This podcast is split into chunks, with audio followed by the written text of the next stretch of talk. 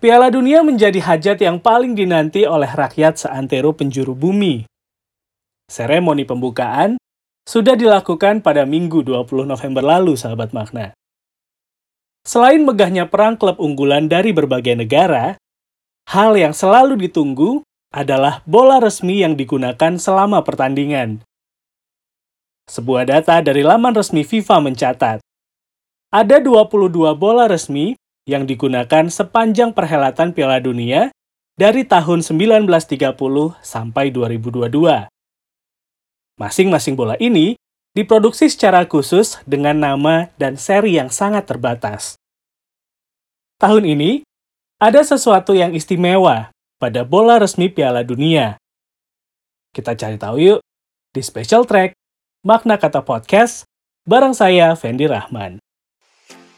Halo sahabat makna, kamu pengen bikin podcast seperti ini? Makna kata podcast menggunakan aplikasi Anchor. Kamu tinggal download aplikasinya di ponsel dengan kata kunci Anchor. A-N-C-H-O-R. Setelah download aplikasinya, kamu bisa langsung bikin podcast loh. Tinggal klik, rekam, mau pakai background juga ada, bisa langsung diedit, dan jadi. Pokoknya semua lengkap, nggak ribet, dan aplikasi ini 100% gratis loh sahabat makna. Nanti secara otomatis, podcast kamu akan didistribusikan sama Anchor ke berbagai platform, seperti Spotify dan platform podcast lainnya. Jadi kalau mau bikin podcast, pakai aplikasi Anchor. Download aplikasinya, rekam, dan bagikan.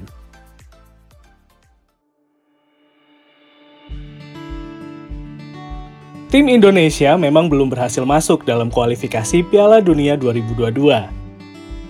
Walaupun begitu, kita harus tetap berbangga sahabat makna. Karena akan ada bumbu Indonesia di sepanjang pertandingan Piala Dunia tahun ini. Bola resmi yang digunakan sepanjang pertandingan adalah buatan Indonesia. Dari sebuah produsen di Kabupaten Madiun, Jawa Timur Bola ini memiliki nama resmi Al-Rihla, yang bermakna perjalanan. Warna cerah yang tercetak di bola Arihla terinspirasi dari budaya, kapal ikonik, serta bendera Qatar. Desainnya yang ramping mampu menghasilkan akurasi tinggi yang stabil saat melayang di udara. Ada 20 panel yang digabungkan untuk meningkatkan akurasi tembakan terlebih saat arah bola menukik atau berbelok tajam. Selain itu, ia menjadi bola Piala Dunia pertama yang dibuat dari tinta dan lem berbahan dasar air.